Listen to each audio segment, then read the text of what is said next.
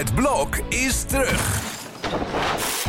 Vier koppels, vier bouwvallen, vier verbouwingen en dus een hele hoop stress. Het blok, iedere werkdag om half negen bij net vijf. Dit is Strik Privé, de dagelijkse showbiz-update met Evert Zandgoeds en Hein Keizer. Nou, Evert, goedemorgen. Oh, goedemorgen, Hein. Ja, de tune is zelfs aangepast, Ja. eh, hoor ik nu. Jordi is op de helft van zijn vakantie. Kosten nog moeite Och, gespaard. Nou, zo is dat. Ik dacht toch, als ik hier toch zit, Dan, eh, dan een tune ook. nou, Nou, waarom is ook dat. niet. Eh, Zullen we maar eens even beginnen, want er is weer genoeg te bespreken in Showbizland. Waylon heeft voor het eerst een stukje van zijn verhaal gedaan. Ja, dat verbaast me. Want hij had eh, eh, toch van- van tevoren al de afgelopen weken wel laten blijken dat hij op tv niet wilde praten over zijn privéleven. Dat het over zijn muziek moest gaan. Mhm. Nou, daarom heeft hij Jinek afgezegd. Want daar zou het dus wel over zijn privéleven gaan. Toen eh, zat hij ineens bij Matthijs van Nieuwkerk. Nou, daar, dat is een muziekprogramma, dus daar hoefde het niet. Vervolgens ging hij toch bij Umberto Tan zitten. En hoewel daar denk ik ook gezegd was, niet over mijn privéleven of niet te lang over mijn privéleven. Begon Umberto toen, we hebben het hier nog laten horen, op Ja. een buitengewoon ongemakkelijke manier toch over dat privéleven. Betrok ook zijn eigen eh roemruchte privéleven erbij. En stelde toen eigenlijk een vraag waar alleen maar op, als antwoord op kwam. Ik hou van de het gaat goed. Ja, En dat, de vraag was zes keer langer dan het antwoord. maar gisterochtend in een uitzending op 100% NL. Een, een verdomhoekje van de radio zou je kunnen zeggen. Daar ging hij ineens helemaal los. En daar vertelde hij wel een, een, een, paar dingen. Dat hij in ieder geval toch wel het boetekleed nadrukkelijk aantrok. En eh, ja, nogmaals heel erg sorry zei. En hoeveel waardering hij had voor Bibi.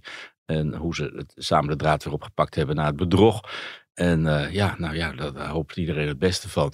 En als Bibi hem vergeeft, ik heb het al eerder gezegd, wie zijn wij dan om naar Waylon te wijzen? Hij is ook een rol en dat weet Bibi ook. ja. En, en eh, ja, dat zal allemaal wel. Ze hopen hier sterker uit te komen. Dat is, Dat is ook een vraag waar je. Hè? En, en ze vragen om privacy. Dat zijn Ja. eigenlijk eh, waar elk persbericht, elk statement. want Ja, ja, ja. Dat, dat doen we niet meer aan. Statement. Mhm. En eindigt, dat eindigt meestal daarmee. Ja. Dus moeten we maar gewoon zwijgen tot er weer iets nieuws gebeurt? Of? Ja, of naar 100% NL luisteren. Ik Ja. vond het ver- verbazingwekkend dat hij dat daar... eh, Kennelijk zat hij op zijn praatstoel s ochtends vroeg. Want eh, ja, eh, wat anderen niet voor elkaar kregen, dat, dat gebeurde daar wel. Ik vind het Mhm. een beetje raar zender. Ik hoor daar of Nick en Simon of eh Akda en de Munnik op die zender. Ja, Op tijd dat ze een paar nieuwe cd's kopen. Oké, nou, dat staat genoteerd. Dan een opvallend moment bij Expeditie Robinson. Ik weet dat jij heel graag een keertje mee wilt doen aan Expeditie Robinson als ik het... Als ik de tijd had Ja, en 20 als- jaar jonger. Precies, precies.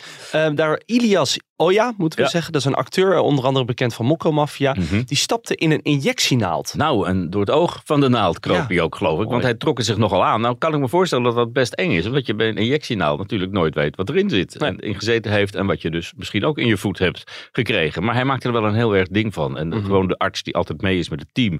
Die volstond niet. Dus hij moest echt het, het eiland verlaten. Omdat hij echt een, een gedegen onderzoek wilde. Nou, dan moeten ze inderdaad eh, met, gaan kijken wat, dan, wat je voor stoffen binnengekregen hebt. Maar eh, ik kan me voorstellen dat je ervan schrikt. Het is wel heel erg jammer dat je eh, het als, ja, zo'n eiland ziet. Dat is gewoon een naald in de hooiberg. Het is toch niet te Ja. geloven? Ja. Hoe, hoe groot is de kans dat je daar dan mm, vol intrapt? Nou, dat heeft hij gedaan.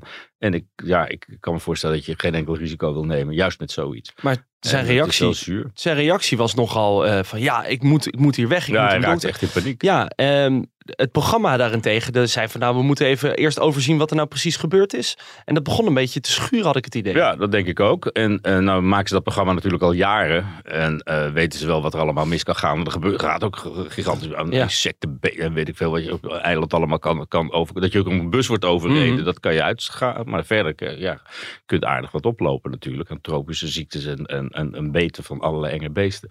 Maar ja, het is wel je eigen lichaam. Dus ik kan me voorstellen dat je dan voor jezelf kiest en zegt, nou ik wil een onderzoek. En ik ga, eh, ga weg, want ik wil weten wat, wat ik eh, voor stof binnengekregen heb. Heel veel kijkers reageerden online van ja, eigenlijk moet hij een tweede kans krijgen. Wat vind jij ervan? Ja, nou, volgend jaar is ongetwijfeld weer een, suc- een succesvol seizoen. Dus eh, dat, ik denk dat er nog wel een herkansing in zit. Dan. Dan even naar Jinek. Ehm Rico Verhoeven zat daar aan tafel en het ging over het beruchte en eh, ja, ja, beruchte filmpje van Gideon van Meijeren en Merel EK. En Ja. hij zei daar het volgende over. Iedereen vindt en altijd maar dat ze alles mogen zeggen. Op internet en snap je, journalisten, noem het maar op. Iedereen mag altijd iedereen eh, maar aanvallen. Voordat het bewezen is of iets wel degelijk zo is. En misschien misschien is dit niet de juiste persoon waar ze het nu bij gedaan hebben. Maar ieder krijg, iedereen krijgt ook, eh, wij als bekende mensen krijgen ook iedere keer maar een, eh, een microfoon onder onze neus geschoven. Terwijl we het ook niet altijd willen. Dit is de reden waarom je bijna niet meer naar talkshows kijkt. Omdat daar mensen zitten te raaskallen over dingen waar Ja. ze geen verstand van hebben. Hij haalt een kickboxstadion en de Tweede Kamer door elkaar om te Mhm. beginnen.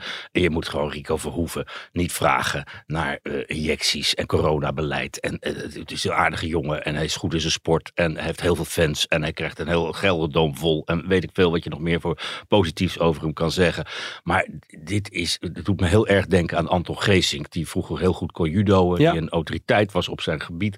En die vervolgens IOC-lid werd. En daarom ook in talkshows terecht kwam. En die bleek ook overal verstand van te hebben. Alleen, ja, het, het, het, het boeit me niet wat Rico Verhoeven vindt van, van een, een, een rel tussen een Kamerlid die ineens een journalist gaat uithangen met draaiende camera's. eh, journalisten gaat intimideren en zo.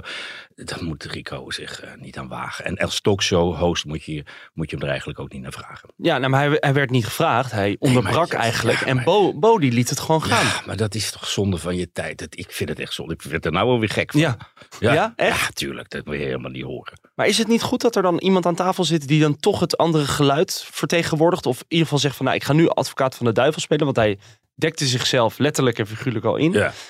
Rico dat- Verhoeven. Ja, Rico Verhoeven Ja, die, laat van, zich niet meer injecteren, want hij had zoveel mensen gehoord dat Mhm. ze ondanks injecties in het ziekenhuis terechtkwamen en overleden. Had hij van zoveel mensen gehoord. Nou, sorry hoor, dat, Mhm. ik weet niet in wat voor kringen hij verkeert. Maar ik heb mensen die eh, corona-injecties eh, hebben gehad en die heel blij mee waren dat ze die hadden op het moment dat ze inderdaad weer besmet waren. En eh, hij, hij stapelt de doden op kennelijk in de gangen. Ja. Maar ik kan me dat niet voorstellen dat dat zo is. En wat moet Bo dan in dit geval doen? Want die zat aan tafel, die, die liet het eigenlijk een Misschien beetje op moeten ze gewoon weer eens terug naar een talkshow waarin mensen één op één met de presentator zitten en er komt er langzaam iemand bij. Maar voorkom dit geneuzel, want het, is- we hebben het er nu ook alweer veel te lang over. Ja, Maar eh, Rico Verhoeven over het coronabeleid en over de situatie tussen Kamerleden en, en, en journalisten op het Binnenhof, dat hoef ik uit zijn mond niet te horen. nou, zullen we dan nog eh, positief afsluiten? Ja. Morgen privé day? Eh, ja, en het is een eh, bijzondere cover, want er is nogal wat aan de hand natuurlijk in Sterrenland, vooral op juridisch gebied. We Mhm. hebben niet alleen de zaak van Glennis Grace die morgen voorkomt, maar ook nog de zaak lopen van eh, Danny de Munk. Nou, hoe staat dat ervoor en wat krijgt dat voor hem voor gevolgen? Daar gaan we het allemaal over hebben, maar dat is morgen. Ja, nou, tot morgen Evert. Spreken we elkaar weer. Tot dan.